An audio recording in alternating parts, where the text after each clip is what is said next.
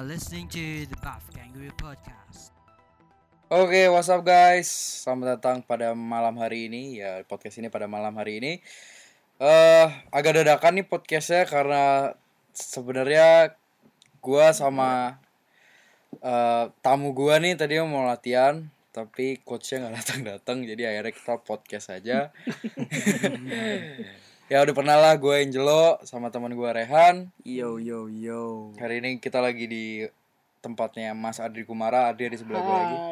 Dan tamu istimewa kita hari ini Istimewa. salah satu fighter One FC berprestasi. Prestasi. Mas Sunoto. Selamat datang. Selamat Ya, datang. siap. Terima kasih. Mantap. Oke, coba Rehan gue kasih pertanyaan pertama ini. Asik. Mas Sunoto The Terminator nih. Yuk. Kenapa The Terminator tuh? Nah, itu dia. Awalnya itu sih sebenarnya kayak dulu ada teman-teman yang kayak apa ya? eh, dulu saya kan sering tanding itu bisa dikatakan sebulan mungkin bisa berapa kali gitu. Jadi Hmm. kayak katanya kayak robot gitu. Hmm, Nah, kebetulan- capek-capek gitu. Iya, tanding habis tanding, ada turnamen lagi main lagi, ada turnamen lagi main lagi Hmm. gitu. Terus ya katanya mukanya agak sedikit mirip dengan Arnold. Oh, iya. Ya, jadi waktu itu kan memang eh, model rambut saya kan memang selalu yang cepak-cepak gitu Hmm. kan. Jadi mungkin di situ lah terus ada yang bilang ini kayak robotnya ya akhirnya dijadikan nickname itu. Asik. Mantap. Terus kalau Muka lu kenapa amazed banget gitu? iya lah ini kan artis besar nih papan atas. Kalau lagu walkoutnya itu lagu-lagu Jawa gitu kalau nggak salah ya? Iya awalnya Iya kan? jadi emang emang sebenarnya kan konsepnya saya saya mau di belakangnya itu mau lagu yang ngebeat gitu tapi di Hmm. depannya ada langgam Jawa gitu Oke. jadinya ini DJ-nya yang Oh, DJ-nya Adri Iya. terima- ternyata. Bikin itu. Mantap. Terus Mas Noto kan dari Blora kan. iya Awal mula itu gimana sih tiba-tiba bisa main di One gitu loh. Kenapa milih bela diri milih bela diri sebagai profesi karirnya gitu loh. Kenapa nggak jadi pekerja biasa atau apa? Emang dari dulu hobi olahraga kah? iya sebenarnya Awal-awalnya gimana? iya dari kecil itu memang hobi saya olahraga dari kecil memang karena eh, om saya kan kebetulan eh, guru olahraga gitu jadi Hmm. dia suka olahraga guru olahraga terus kalau apa ada kayak event atau apa sepak bola volley badminton segala macam itu kan saya selalu diajak gitu, Mhm. gitu. diajak berlatih diajak ini jadi kayak ya otomatis kayak teracuni gitu dari kecil udah emang Hmm. sukanya olahraga nah terus kalau bela diri memang kan ya sukanya bela diri olahraga bela diri gitu terus bela dirinya apa ya saya bi- bisa dikatakan agak gampang bosenan gitu kalau misalkan latihan Hmm. cuma latihan kayak dulu kan taekwondo gitu kan terus latihan kaki terus nendang terus itu kan agak jenuh Mm-mm. coba bela diri lain gitu jadi di combine akhirnya ya jatuhnya ke MMA suka Emang dari awal udah langsung MMA atau sempet-sempet boxing dulu, sempet-sempet nyoba Muay Thai, kickboxing dulu? Ya, Iya. awalnya kan dulu emang waktu kecil itu sebenarnya latihannya silat. Mm-mm. Nah, cuman nggak nggak terlalu intensif kan namanya anak-anak ya. Terus latihannya masih karena nggak boleh sama orang tua kan, jadi Hmm. sembunyi-sembunyi gitu. Mm-mm. Terus dari situ latihan taekwondo. Nah, taekwondo yang agak lama. Terus dari taekwondo ikut event-event event, akhirnya kayak ngerasa ya mungkin bosen atau apa kayak stuck gitu loh. Prestasi juga nggak terlalu Biasa aja. Iya ya. biasa Iya. aja gitu mentok cuman ke jurda kayak gitu lah ibaratnya lah dan nggak bisa prestasinya nggak bisa ini lagi coba pengen dulu sih sebenarnya pengennya waktu itu kan waktu saya sudah di Surabaya kan jadi pengennya pengen nyari waktu itu em, kayak muate gitu kickboxing Hmm, lah hmm. nah cuman nggak ada gitu waktu zaman itu belum ada akhirnya eh, nemu-nemu ada bela diri teman saya yang ini jujitsu gabung sama jujitsu Hmm. Jiu-jitsu di Jiu-Jitsu ikut ikut turnamen sana sini sana sini akhirnya di Jiu-Jitsu justru eh, pas saya ikut kejuaraan ada orang yang ngasih kartu nama gitu nawarin dia inilah mas latihan tinju terus akhirnya dari dari situ saya belajar tinju terus Hmm. dari latihan tinju terus akhirnya ada yang nawarin main wusu gitu akhirnya Hmm. menyebar main akhirnya ya itu tadi lah sampai Kira kasih ke nama jualan MLM kira. Iya. Terus dari perjalanan dari daerah ke Jakarta itu karena diundang sama orang atau emang Mas Noto ada pengen ke Jakarta aja awalnya? ada ada yang undang waktu itu. Nah, salah satunya ini temannya dia. Nah, waktu itu kan jadi ceritanya kan ya itu tadi kan dari jujitsu terus ikut turnamen-turnamen itu Hmm. pas endingnya itu pas waktu ke Jurnas kalau nggak salah ke Jurnas jujitsu Jujutsu. 2011. Nah, itu Ya. saya bawa nama Jawa Timur. Nah, bawa kontingen Jawa Timur. Nah, kebetulan kan saya juara satu waktu itu. Nah, terus ada yang orang yang waktu itu orang tim DKI lah dia yang tertarik gitu loh. Terus saya ditawarin, "Kamu mau nggak belajar MMA gitu di Jakarta?" Hmm. bla bla bla gitulah. Nah, karena apa ya? Itu keinginan saya gitu di Surabaya waktu itu belum nggak se booming sekarang ini. Sekarang Iya. kan 11. camp camp sudah menjamur di Hmm. sana. Iya. Bahkan saya dulu latihan eh, Brazilian Jiu-Jitsu ya kalau jiu tradisional emang udah, ba- Udah banyak lama. ya. Tapi kalau yang Brazilian Jiu-Jitsu itu bisa di, cuman satu doang waktu itu di Mm. Surabaya. Mm-mm. Iya, waktu itu ada saya latihan sama Bang Hoki terus ada iya. Hmm. Pas Kalau sekarang kan udah rame banget. iya, pas nyampe Jakarta langsung ke Spider tempatnya. Langsung ke. Spider. Langsung ke Spider. Iya, memang Cuma yang manggil yang manggil dia. spider waktu Mm-mm. itu, spider. Jadi Terus latihan sama udah sama Taides apa sama Ataides. Waktu itu Udah. pertama Udah waktu ada itu ya? masih ada ada lem, Mm-mm. ada Ataides. Jadi memang timnya bener-bener lagi bagus-bagusnya gitu ada strike, strikingnya Iya. dari Thailand terus ada jiu-jitsunya Taides. dari Brasil. Jadi memang ya wes lah tanpa pikir panjang saya Iya. langsung berangkat sudah Nah, terus fight pertama MMA Mas Noto tuh di di mana? di Bandung di duel Di duel BFC. duel itu Mm-mm. juga ibaratnya apa ya sudah persiapan ini tapi lawannya bukan yang seharusnya gitu Mm-mm. saya beratnya 65 lawannya 75 Waduh. ya. tapi ya wes akhirnya ya alhamdulillah menang Terus waktu itu di podcastnya di acara di episodenya Hadri kita bahas tuh eh Mas Noto ada di fight itu main di Stora. Oh enggak itu sebelum di AM Pro, itu main amatir. Oh, itu main amatir itu. oh ya itu Iya. amatir itu Mm-mm. Nah itu apa nama eh, acaranya? TV. Ivi ya. Hmm. Itu Mas Noto masih dipanggil The Doctor. Nah, itu, itu kenapa dipanggil The Doctor? Terus pas acara itu Mas Noto lawan siapa? itu juga sama kasusnya lawannya itu beratnya juga jauh banget karena memang nggak ininya kan terus lagi cedera jadi Hmm. memang nggak itu main amatir waktu itu masih Masih main amatir Iya, itu. terus waktu itu memang disebut the doctor karena bilangnya itu kan apa ya kayak ap, kayak kayak dokter gitu ada pasien datang itu kan waktu itu kerja di camp kan jadinya ngelatih orang-orang yang sakit gitu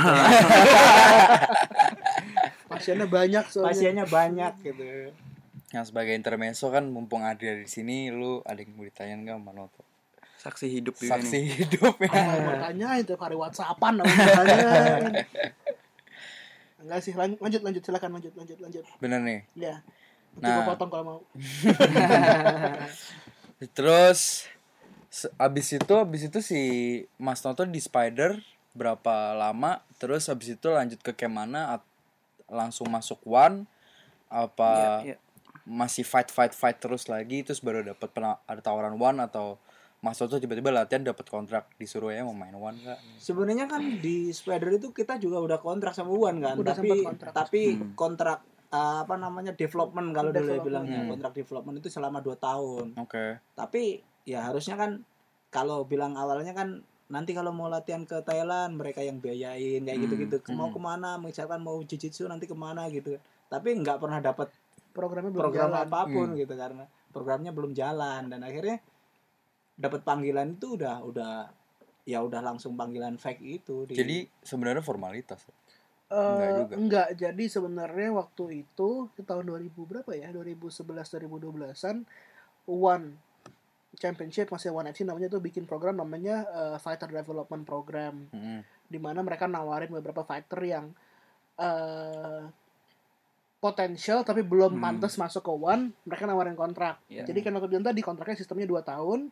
nanti setelah dua tahun berakhir baru dikasih kontrak One FC yang sebenarnya Hmm. sebagai fighter Hmm. nah sama Dota tuh dulu dibilangnya akan ada pelatihan seminar dan segala macam tapi emang programnya kayaknya nggak waktu itu nggak jalan nggak jalan karena waktu itu One FC masih kecil baru-baru buka bener baru buka kayaknya nggak nggak nggak Nggak dikerjain nggak, ya. nggak kepegang Mm-mm, kayaknya gitu nggak bilang nggak kepegang mungkin kalau sekarang beda ya Kalau sekarang sekarang kan ada warrior series sekarang jadi iya. langsung ya Langsung. sekarang langsung iya itu yang kayaknya inilah yang kayaknya program itu yang menjadi bit-bit sekarang mereka bikin One Hero Series, One Hero Hmm. Series dan segala macamnya kayaknya itu itu gitu. Hmm. Nah, terus udah dapat panggilan kan nih, terus fight nih lawan Mario ya pertama ya. bukan, Bukan. saya pertama ketemu Cina Tapi ada juga Oh, dia fight Cina. dulu sebelum sebelum One FC sekali ketemu main di Lindo Haji Semarang Lindo Aji ketemu ya. Mustadi, fight sama Mustadi. Oh, Mustadi. Oh, itu Wasit- di wasit Hmm. paling viral di One itu masih di cage apa enggak sih itu? Oke, Cage, Cage, mainnya di di cage. cage itu di cage. satu-satunya event MMA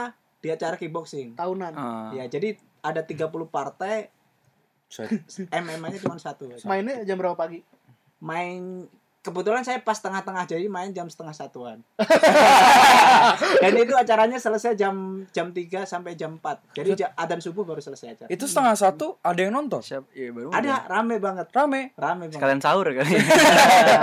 Jadi acara bener-bener acara selesai kita pulang adzan subuh udah. oh, luar biasa. Pas pertama kali nyoba, Pak eh nyoba. Pas pertama kali fight di One ada apa yang dirasakan gitu loh kayak wih udah nyampe level ini nih atau misalnya atau sama aja kayak fight di apa eh, Power Prof, Porda gitu-gitu. Enggak sebenarnya kan kayak itu memang saya pertama kali main ya udah apa ya nating tulus aja memang Mm-mm. karena satu ditawarinnya juga agak mendadak terus yang kedua kelasnya juga Di atas emang di atas kelas saya di feeder waktu itu kan Hmm.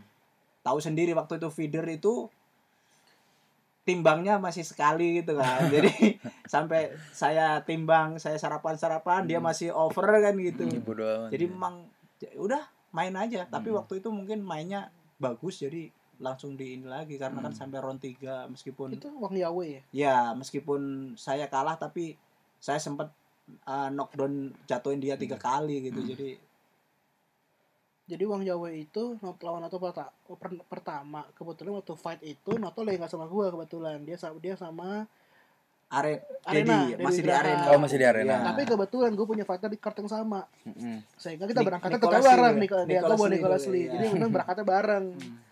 dan emang ya maksudnya performancenya wow untuk orang yang karena waktu itu Indonesia masih jarang main kan di One FC itu Hmm. itu main di luar negeri lagi di Filipina mainnya Hmm. Eh, dan atlet Cina itu kan selalu dianggap atlet yang kuat disiplin Iya. dan lain-lain. Emang di knockdown berapa kali sama Nato, cuma Hmm. namanya ada perbedaan Pegulat berat lagi. badan, berat badan dan strength yang jauh ya se- setelah berapa round 3 ya kalahnya. round 3 Round ya. 3 gitu dia udah habis bensin habis bensin. Hmm.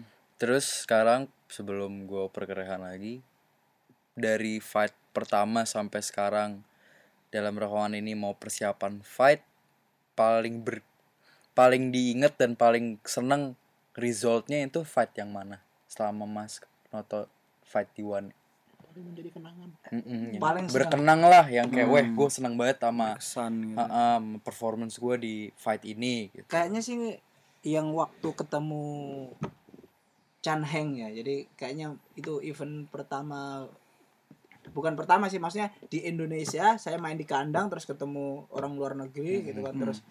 Saya bisa menang cepet itu kayaknya yang dan itu maksudnya dari segi persiapan dan segala macam itu bener-bener mulus gitu loh nggak ada tanpa cedera tanpa apa pun bener-bener lempeng banget gitu sampai Lancar Iya, jaya deh lancar jaya pokoknya. lah pokoknya Cornerman yang lebih Maji. Ah. gue diem doang gue Oh, iya Iya bukan, gua. bukan Heng bukan enggak, iya, gua dia bakal Marta bertiga. iya oh, itu yang ini kali Itu Rin Sarot. Rin ya? Sarot Itu Rin Rin bukan Sarot. Chan Sarot, Heng Chan iya. Belum belum Bukan, Rin Sarot tuh Marenga soalnya. Oh ya Rin Sarot Marenga. oh ya Hmm. Oh Sarot Marenga. nggak tahu deh Ya, itu bertiga main gua. juga bakal Ya pokoknya dia ngomong, Kang Mata ngomong, gua cuman oh udah jatuh. Gue siap-siapin kaos dibalikin aja. Biar biar cepet Udah tahu menang. diginiin. itu sebelum pelatnas ya sebelum ya Sebelum Se- sebelum pelatnas, sebelum pelatnas. oh iya, iya. Nah, tuh Terus bener. eh, abis dari Spider kan Spider nggak lama ya sebenarnya umurnya. Spider itu panjang umurnya. Cukup cukup lama Cukup berarti ya. panjang, tapi saya sempat hampir saya setahun setengah apa dua hampir dua tahun. dua ya? tahunan aja Hampir dua tahun. Hmm. Dari Spider tuh Iya. Mas ke mana? Saya ke arena waktu itu kan Oh, hmm. eh ceritanya kan Ataides, Ataides ini pelatih yang dari Brazil itu. Hmm. Nah, dia kan berteman sama Airam Nogueira ini pelatihnya arena pelatihnya Arena Oke, gitu. iya. Nah, nah si Ataides ini mau pergi mau ke waktu itu ke Evolve ya, iya dia pindah ke Singapura. Singapura Nah, Hmm. Terus saya kan ibaratnya saya di sini nggak ada pelatihnya terus direkom lah sama dia. Coba Hmm. ke sini ini ada ini. Ada teman saya gitu ya. Akhirnya saya saya dimintain CV, saya ngajuin ke Arena situ, akhirnya Hmm. pindah ke Arena. Terus dari arena masuk One tuh dari Dari Spy- Arena, oh, saya dari arena. Arena. Oke. Ya, maksudnya fight pertama saya di One itu di bawa Arena. Hmm. Terus eh, habis fight yang pertama tadi baru ketemu siapa? Mario ya? Mm-mm. baru Mario Hmm, baru Mario. Waktu Mario itu saya masih di Arena ya. Eh, Ah, enggak, oh bukan udah bukan. keluar, Aku keluar. udah di waktu itu fokusnya di lagi nggak eh, punya gym eh, ini di lagi di Banten lagi kayak TC persiapan prapon gitu dulu Hmm. kalau nggak salah ya. Jadi emang persiapan sama Mario itu emang persiapan striking doang, nggak main bawah sama sekali. Hmm. Untungnya nggak diladenin dia main bawah ya. Main bawah justru saya main bawah, Oh, maksudnya iya. striking take down Take tapi down. tapi nggak ada finishing sama sekali karena memang namanya nggak nggak latihan Iya. Iya. berapa bulan persiapan. gitu kan. Pinning doang ya. iya, pinning cuman doang. pinning gitu-gitu nggak dan itu Noto fighter hebat waktu itu Kenapa ya? cuma dia fighter yang main setelah main event Setelah bisa gitu. Hah? setelah Bisa main gitu, jadi event, ngejar buat live di TV lokal Iya. Oh. Dulu dulu iya. tuh gitu pas Anthony juga gitu. Hmm. Terus si itu siapa tuh?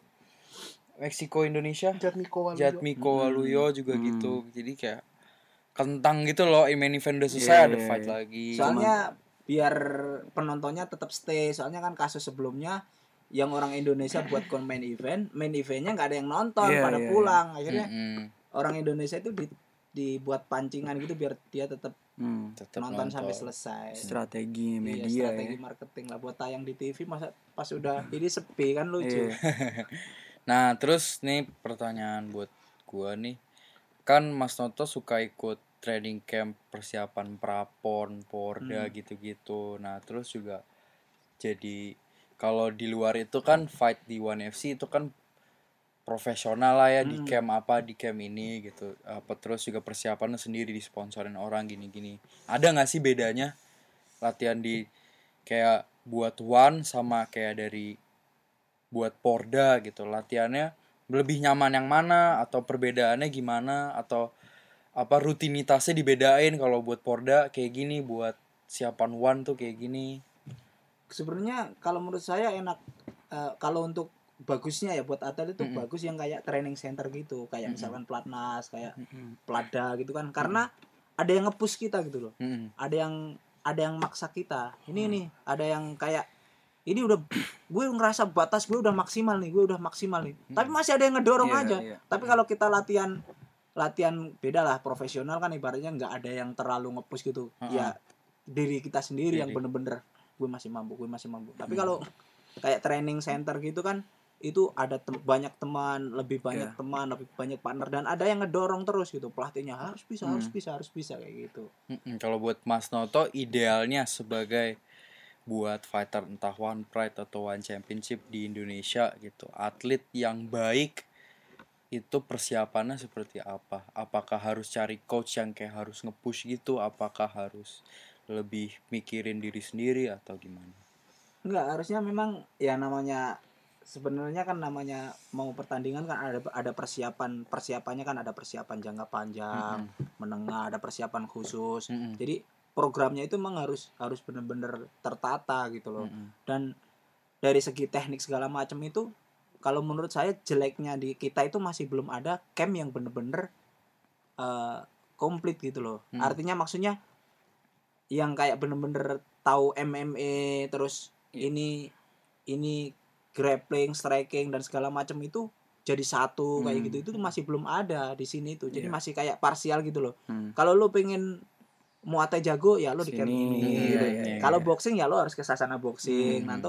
kalau jiu-jitsunya yang bagus ya di di camp-camp yang ininya jiu-jitsu kayak gitu. Jiu-jitsu. Jadi Hmm. memang belum ada yang khusus yang bener-bener kayak gimana ya? Kayak yang bener-bener ngelatihnya itu MMA ya Komplit, MMA iya. semuanya kompleks Hmm. gitu di sini belum ada belum ada ya Belum kayak ada. ibaratnya kayak ya baru mungkin bisa dikatakan ya ngaku-ngaku lah gitu. tapi Ngaku-ngaku. pada dasarnya masih belum ini Mm. Nah, sekarang ngomong-ngomong gitu, sekarang dari Mas Noto awal karir di bela diri sampai sekarang menurut Mas Noto perkembangan MMA di Indonesia tuh gimana dia dengan adanya sekarang One One Pride. One selalu ada di Jakarta setiap setahun ada empat kali, entah tiga empat kali. One Pride sekarang ada setiap bulan. Gitu perkembangannya gimana dari dulu sampai sekarang? perkembangannya sih sangat pesat sekali kalau menurut saya padahal waktu waktu zaman saya dulu kepengen main MMA aja saya harus hijrah ke Jakarta gitu loh. Mhm. bayangin di daerah ibaratnya Iya. kan belum ada pelatihan Mhm. jangankan event pelatihan yang kayak tempat berlatih aja nggak ada Iya. gitu loh Hmm. Iya masih kayak ya masih saya bilang itu tadi parsial parsial banget. Kayak misalnya bela diri ya masih silat sendiri kayak ini Hmm. sendiri ini sendiri belum. Kalau sekarang kan kayak udah mulai ada kan kayak camp yang mengatasnamakan camp MMA gitu. Iya. meskipun Mm. meskipun belum seideal yang iya gitu, Hmm. tapi kan udah seenggaknya gitu bisa ngebantu orang-orang yang kepengen gitu main MMA terus lagi kan sekarang lagi booming boomingnya gitu MMA jadi perkembangannya emang lagi sangat luar biasa panas-panas lah ya. Hmm. ya Terus juga sekarang hampir semua teman-temannya latihannya Mas Noto sekarang di One Pride semua ya.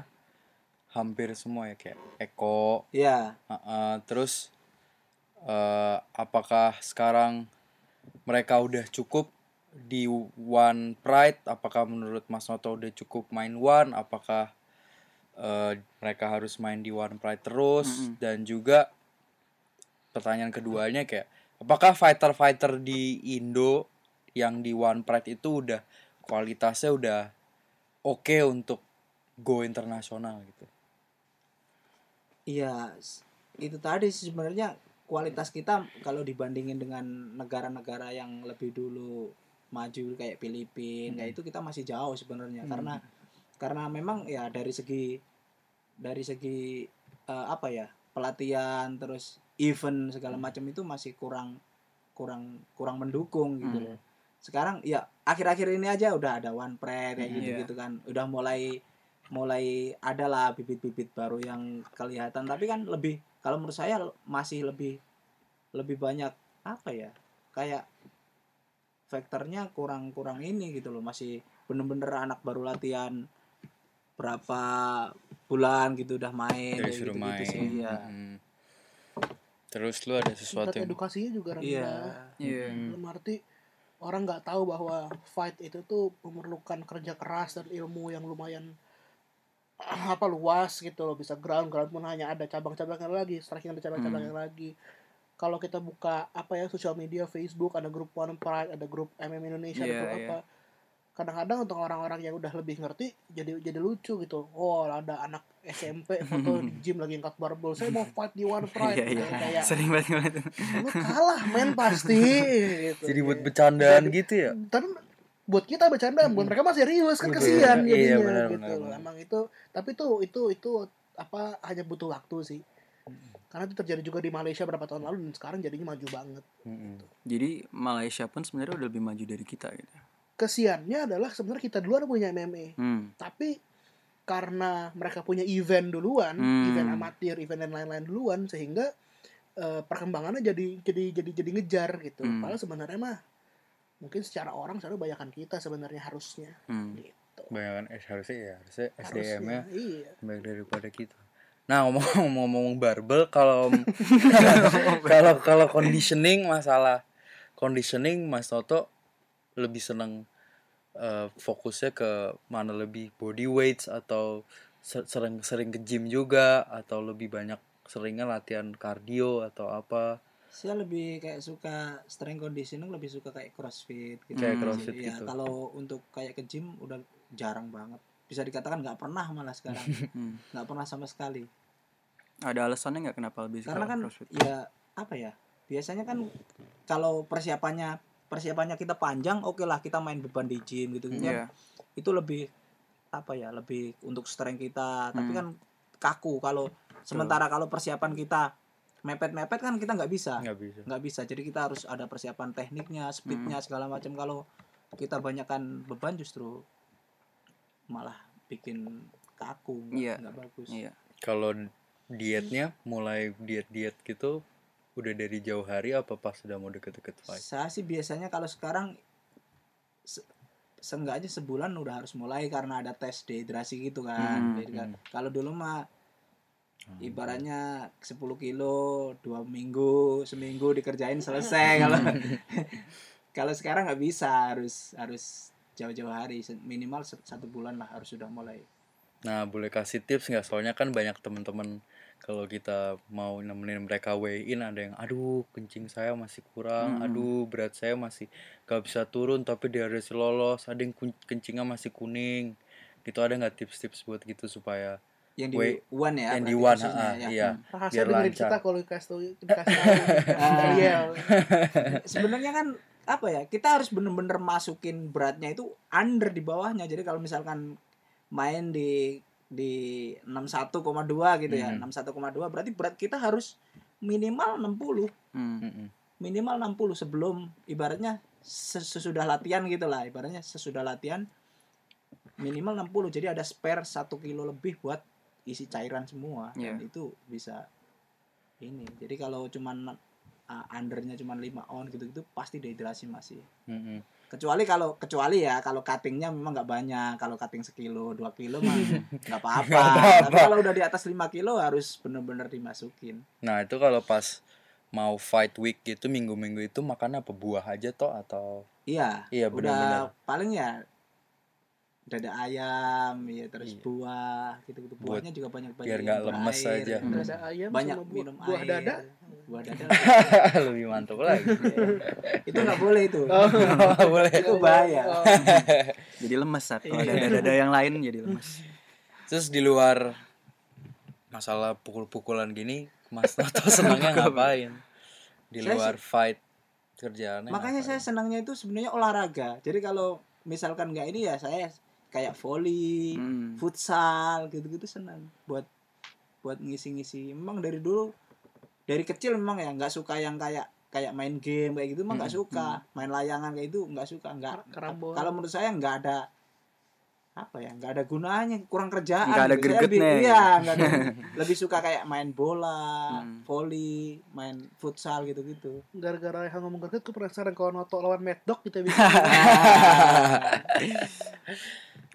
Tuh, gue pengen ngomongin si Mad Dog ini dia beneran bisa dia pernah fight yang Enggak lah dia kan gimana gitu sih? Enggak tahu kalau fight silat ya mungkin Ah. pernah ya. Kebetulan dulu waktu eh, coachnya dia dulu ngajar di gym gue pernah cuma Oh iya. eh enggak gue enggak pernah. tapi bukannya dia orang seni ya Eh, kayak Iko Uwais gitu tapi kan dia belajarnya seni. beneran silat harimau dan kalau kalau si Pak Datonya dulu bilang silat harimau itu bukan bukan buat seni emang emang buat apa sih kayak fight ya fight ilmu yang mematikan gitu gitu Hmm. gitu. Tapi enggak enggak nggak tahu ya tapi kan tetap aja silat emang indah kelihatannya ya kalau kalau di ini emang bagus sih. Iya sih. Kalau buat show emang bagus. Hmm. Ya kalau buat film ya MMA nggak terlalu bagus. Iya buat film MMA apaan? Ya, film MMA kalau mau. Iya. Hmm. Paling bagus ya itu doang Warrior. Silat iya. Silat apa? ya namanya seni kan emang yang diutamakan kan keindahan semua Iya. bela diri ada seninya kok di kayak misalkan karate juga ada kata gitu taekwondo Iya, ada ada kata. pomse Hmm. Cuman kita Ada, aja nggak ada apa-apa.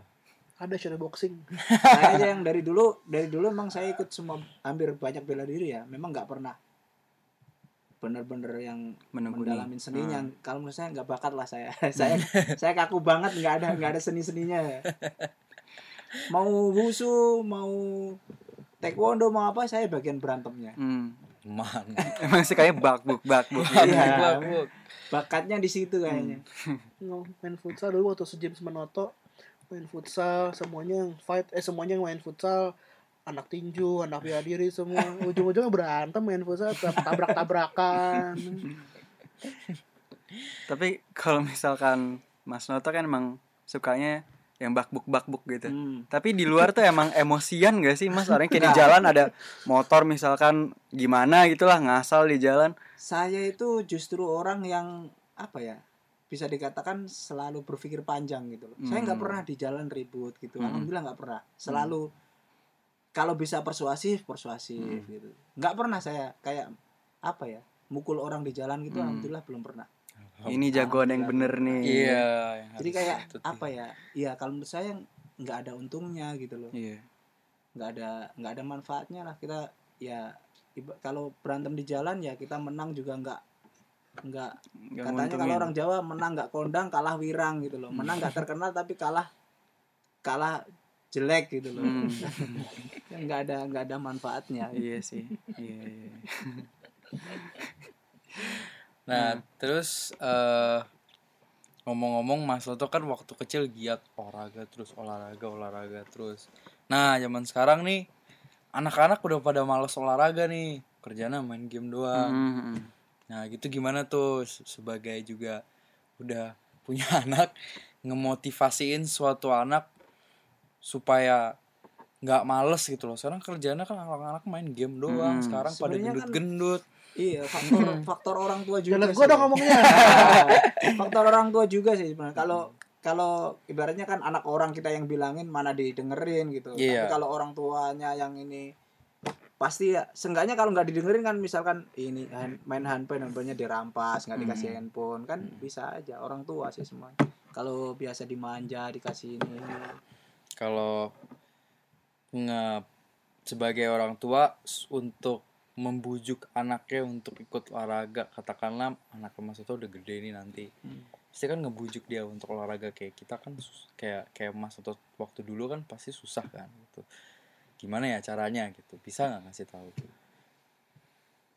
apa ya? Sebenarnya kalau kalau untuk kalau untuk anak saya sendiri ya Mm-mm. ibaratnya kan saya saya tidak memaksakan dia untuk untuk apa memilih eh, jalurnya nanti Mm. ke kayak saya gitu. Ya Mm, saya ya, terserah dia. Cuman kan kalau masalah olahraga itu kan yang pertama kita harus tanamkan kan yang penting kan kita ingin hidup sehat dulu kan. Nah itu kesadaran dia untuk hidup sehat. Mm. artinya meskipun dia mau either kepengen jadi apa pun nanti ya jangan sampai lupa untuk seenggaknya menyempatkan waktu untuk berolahraga. Itu kan Hmm. penting banget. Atau ya jogging ringan kayak jalan sepedaan gitu gitu gitu kan sebenarnya hal-hal yang yang simple kan nggak perlu ngeluarin duit kan Iya. gratis ya ya tapi kan memang lawannya males betul lawannya males Mm-mm. termasuk yang lo bilang tadi orang yang mau nurunin berat badan tuh kayak susah banget gitu kan Hmm. Mm-mm. sebenarnya karena niat sih Hmm. niatnya kalau kita udah niat kayak kayak saya nih nggak mau fake ya nggak akan nurunin berat badan ngapain kan Hmm, gitu Iya. Nggak ada Males. karena nggak ada nggak ada goal yang mau Iya. dicapai Hmm. nggak ada tujuannya betul yang penting ada goalnya Iya. Penting goal. kalau saya mau fake Betul. nih ya saya mau nggak mau harus nurunin kalau nggak nurunin saya nggak fake Iya. iya nggak ada nggak dibayar. nggak ada eh nggak fake nggak dapet Iya, duit kan iya, gitu dapet duit nangis gitu Tapi kalau anak lu tiba-tiba misalkan anak lu ini kan ter terekspos nih sama bela diri sama MMA segala macam gitu. Orang kan Nato sering kan dia kan ba- bapak keluarga sekali ya. Hmm. Jadi dibawa anaknya ke gym ada kadang-kadang di apa fight week nemenin di Jakarta di hotel gitu. Tiba-tiba bilang nih dia udah mulai gede dia bilang mau jadi fighter lo dukung nggak? saya dukung saya apa pun lah yang penting untuk apa ya kebaikan dia saya support lah ya cuman saya nggak apa ya sebagai orang tua nggak yang maksa lu harus Hmm. eh, ngikutin ini tapi memang biasanya sih buah nggak akan jauh jatuhnya dari pohonnya kan Iya, gitu karena iya. yang dilihat kan itu gitu Mm-mm. tapi ya nggak nggak maksa sih pas waktu dulu kecil gimana tuh kan orang tua nggak bolehin Mas Noto bela diri kan hmm. ngeyakinin orang tuanya supaya akhirnya orang tuanya kah ya udah boleh boleh aja deh sebenarnya ya udah itu setelah udah sudah terakhir-terakhir ini barangnya Hmm. udah sebelumnya tetap aja kita kayak kayak ikut event-event gitu masih karena waktu itu saya sebenarnya mulai event itu ketika saya sudah di Surabaya jadi Hmm. memang sudah Hmm. jauh dari orang tua orang tua kan di Blora Iya. saya di Surabaya jadinya ya memang nggak tahu tapi seiring berjalannya waktu kan eventnya makin gede misalkan dari kejurda nih kita tiba-tiba ikut ke jurnas kayak gitu Hmm. kan mau nggak mau kan terekspos akhirnya Iya. kan Mm-mm. terekspos terus ya mau nggak mau akhirnya ya udah dia yang ngizinin mau gimana Hmm, lagi Iya. itu udah udah pilihan pilihan saya gitu Iya. karena apa ya saya mungkin bakatnya di situ disuruh kerja kantoran juga nggak bakat Iya. passionnya lah gitu situ karena saya pernah karena kayak dulu kan sebenarnya saya di Surabaya kan kayak kerja ada laundry Mm-mm. gitu-gitu kan. Terus pernah buka usaha juga sama teman-teman di Akiko Akiko itu semacam catering gitulah. Oke. Oh, masakan kambing gitu. Mm-mm. nah kayak gitu. Tapi ya karena kita nggak nggak terlalu fokus mikirin usaha gitu kan. Kita masih usaha ya sekedar buat cari makan gitu Iya. loh buat cari makan sisanya kita latihan gitu Iya. jadi masih memang passionnya nggak Hmm, ke sana maunya- lah gitu Ah. jadi Di luar fighting sekarang ada usaha lain kah sekarang? sekarang belum ada belum ada masih fokus latihan saja Si fokus latihan. sama fokus ngurusin anak Kira-kira karir fightnya ada target umur kah mau berhenti kapan atau selagi masih bisa akan terus fight? kalau target mungkin mungkin dua tahun lagi lah dua tahun tiga tahun lagi sudah kayaknya Sudah selesai. ya Ada alasannya kenapa? Apa nggak- emang target dari dulu gitu atau emang udah ngerasa udah enggak sih ya cukup aja karirnya? ya apa ya kayak mungkin dari segi umur juga orang kan nggak bisa bohong kan makin tambah umur juga namanya sedisiplin apa pun stamina segala Iya. macam juga tetap Hmm. tetap ini cuman pengen setelah itu pengen sebenarnya cita-cita saya dari dulu itu kepengen jadi setelah itu saya kepengen pengen mengamalkan ilmu saya itu di kampung halaman saya gitu loh jadi Hmm. kepengen kayak buka Camp. camp nah tapi bukan untuk bukan untuk bisnis gitu jadi tujuannya untuk kayak semacam project sosial gitu loh jadi Iya. pengen cari bibit-bibit kita pengen pengen bermanfaat buat Hmm. buat masyarakat terutama di Amal lah di ya. kampung iya dulu memang planningnya gitu. Saya pengen punya tabungan sekian nanti setelah punya tabungan sekian saya menetap di kampung saya menikmati ibaratnya kayak hari tua itu ini Iya. uang pensiunan saya gitu kan. Dan sisanya buat eh, kayak beramal gitulah buat persiapan mati gitu. Dulu cita-citanya gitu. Cita. Berat ya. mulia memang ya. Mulai memang.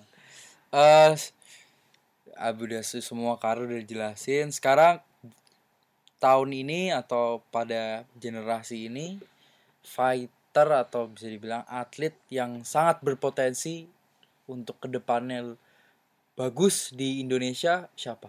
Angel Wimuaji Iya. Di Indonesia? Di Indonesia. Entah di One Pride atau di One terserah MMA ya? MMA Eko Priandono. Nah, Eko bagus, Eko bagus. Dari dulu memang kan saya rasa dia bagus, Eko. Dia bagus dia. Dia dari dulu memang kan sebenarnya dia itu kayak bisa dikatakan salah asuhan aja lah. Salah Gitu. Dari, ya dia kan dari dulu kan ya saya tahu kan dari dulu memang junior saya di wusu di ini kan kemampuan dia akhirnya terus sempat vakum juga kan dia kan terakhirnya saya ajak ke Jakarta dia mulai latihan lagi mulai ini lagi ini, ini akhirnya dia bagus kan dia potensial dia Hmm. masih muda masih powernya oke Playboy. strength oke ganteng lagi jadi kan. Iya ya, ganteng. Buat iklan bagus ya. Buat iklan bagus. Ada lagi? Potensial dia selain Eko? Sebenarnya apa ya? Banyak juga sih banyak. Ada kan di kita ada event-event one pride itu tuh kan. Mhm. sebenarnya banyak yang ini. Cuman karena mungkin ya kalau menurut saya mereka potensial. Tapi karena Salah asuh itu poin yang itu tadi sih. Hmm, salah asuh asuh itu sih, tadi. Iya. Dia tetap stay di tempat yang yang ibaratnya kurang nggak mau mengekspos diri gitu loh. Jadi udah ngerasa bagus. Kayak iya. kalau misalkan saya saya dulu kan di di Surabaya gini-gini. Saya pindah ke Jakarta emang niat hanya untuk belajar gitu loh. Hmm. Hmm. karena saya keyakinan saya suatu saat ilmu saya ini akan dihargain mahal oleh orang gitu aja sih. Nggak Hmm. nggak ini. Saya pengen belajar lah. Nggak apa-apa. Orang dulu orang kan mungkin dulu nganggap saya ya ya apa ya yang gila lah yang apalah gitu. Orang nggak ada kerjaan gitu loh kayak setiap hari kayak lari kayak gitu Hmm. misalnya di kampung kan. Iya. Lari yang ini terus ke Jakarta nggak di digaji cuma satu juta sebulan gitu. Dapat apa di Jakarta? Hmm. tapi karena kepingin belajar gitu kan. Iya. jadinya ya. Tapi memang determination tuh sih yang selalu yang jadi kunci untuk untuk orang jadi sukses ya. Kalau Iya. kita dengar kayak fighter-fighter, nekat kan ah, iya di luar negeri ada yang nekat, iya. ada yang berapa jam nyetir dari rumahnya ke gymnya cuma Iya. untuk latihan segala macam. Iya. Ya itu kan yang dilewatin sama Noto gitu ke Jakarta khusus-khusus modal nekat gitu Hmm. kan. Iya. Ya nggak semua orang pasti kayak udah jauh-jauh Iya. ke Jakarta gaji sejuta pasti orang kayak apaan sih nih nggak Iya. jadi ah nggak ada duit gitu udah ada aja kayak Rengga waktu itu sempet apa dari Kalimantan ya dia ke Jakarta terus Sampai- kerjaan cuma makan apa dia dia nyisain dia cerita dia beli ma- makanan nih satu meal. Ada nasi kan? Nasi kan satu porsi. Hmm. dia setengah setengah itu setengah buat siang setengah buat malam gitu. Saya nggak sampai segitunya sih. Langsung dipatahkan. kalau masalah makan saya ya apa ya? Meskipun seadanya selalu selalu cukup gitu loh Hmm. porsinya selalu banyak lah gitu saya dari kecil memang makan saya banyak Hmm. jadi memang orang makan sehari tiga kali saya bisa lima enam kali sehari itu Kita kalau mau denger cerita Rengga di mana tuh? Kita di podcast Oh, kita buffkangaroo.pod. ciplak in ya barusan. Plug-in. Dong. saya sih dari kalau golongan orang bapak saya petani jadi memang ya kalau masalah makan ya beras kalau makan beras aja mah Banyak. banyak dari gitu. halaman rumah ya sama dengan buff kangaroo kita juga determinasi tinggi nih Ja- jadi Semua ya kita jangan free loh, salah. kita belum dibayar sama sekali loh. Siapa yang bayar lo emangnya? Siapa tahu ada sponsor am, am, am. Iya, siapa tahu ya ada sponsor kita kan Bisa email determinasi ke- tinggi. Email buffmate at gmail.com ya. Kita kasih semua free. Tamu-tamunya bintang besar ya. free lagi nggak dibayar tamunya Yang lebih baik lagi tamunya. Lebih baik lagi tamu yang mau gratisan. Cuma disediain air putih sekarang. air putihnya dari siapa? Dari tuan rumah Dari Adri. tuan rumah lah ya Tuan rumah, Adri. Tuan rumah. awal-awal masih anggur merah lo padahal. Jangan kan anggur merah. Apalagi anggur hijau dari ini dari danau Cine. Anjing. Eh, gua udah selesai pertanyaannya mungkin udah 40 menit nih kali dari antara Raihan atau Adri mau nanya ke Mas Noto atau Mas Noto mau nanya ke kita. Dari Kita gua buka sesi ini. kan Mas Noto ini udah main di Indonesia, main di luar juga. Eh, bedanya tuh gimana sih? Ada dukungan dari masyarakat Indonesia nih.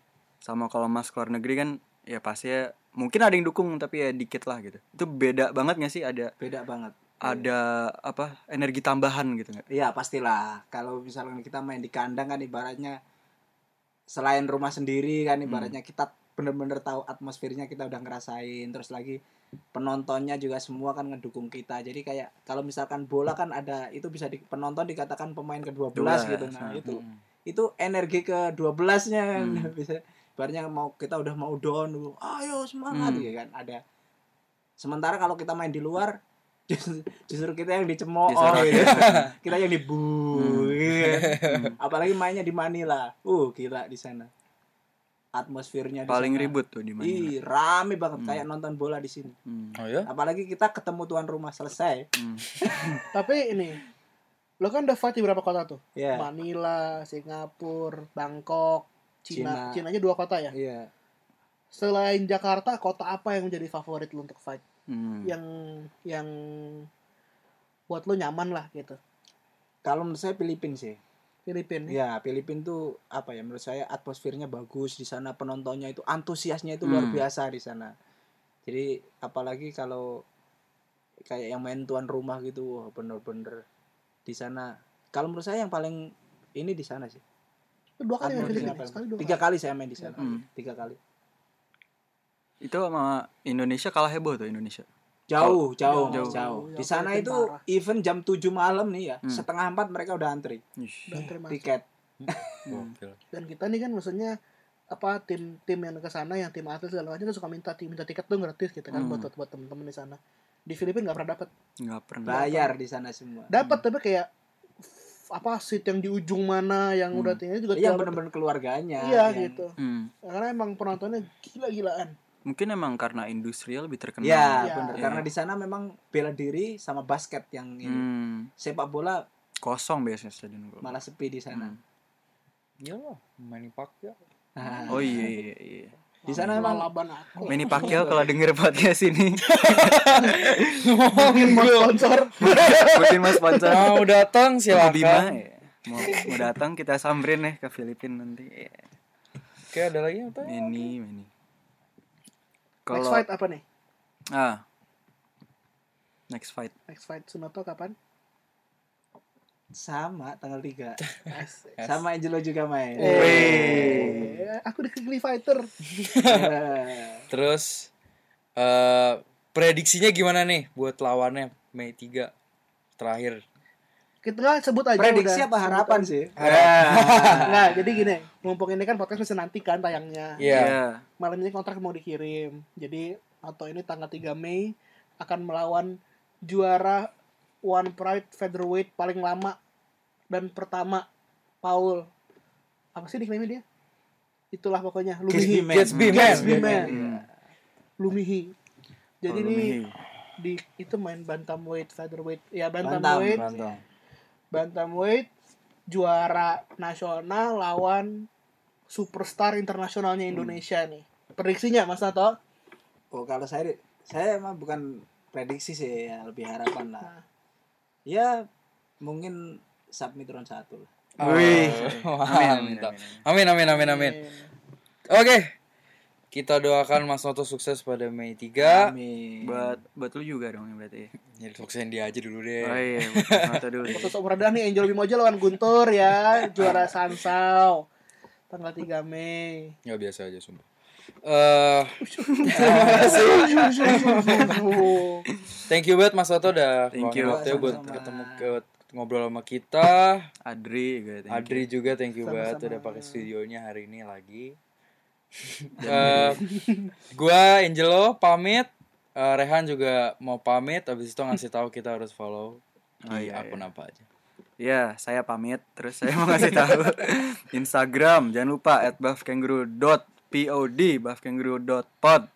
Spotify Buff Kangaroo Podcast, Podbean Buff Kangaroo Podcast. Kita juga ada di YouTube nih ya sekarang. Jadi YouTube Buff Kangaroo Podcast. Subscribe, like, komen aja kalau misalkan menurut kalian apa gitu kontennya kurang apa. Kalian mau sampah-sampahin gitu ya sampahin aja gitu. Ya, Karena kita emang jujur ya low budget jadi ya sekali lagi sponsor ya tolong. ya Adri silakan Adri. Apa tuh? Ya untuk penutupannya.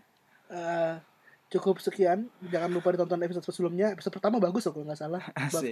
Ya mukanya paling sotoy nih di bawah lampu. Ya, ya terima kasih Buff Kangaroo kembali muncul di rumah ini Ya terima kasih Ma- Mas Noto.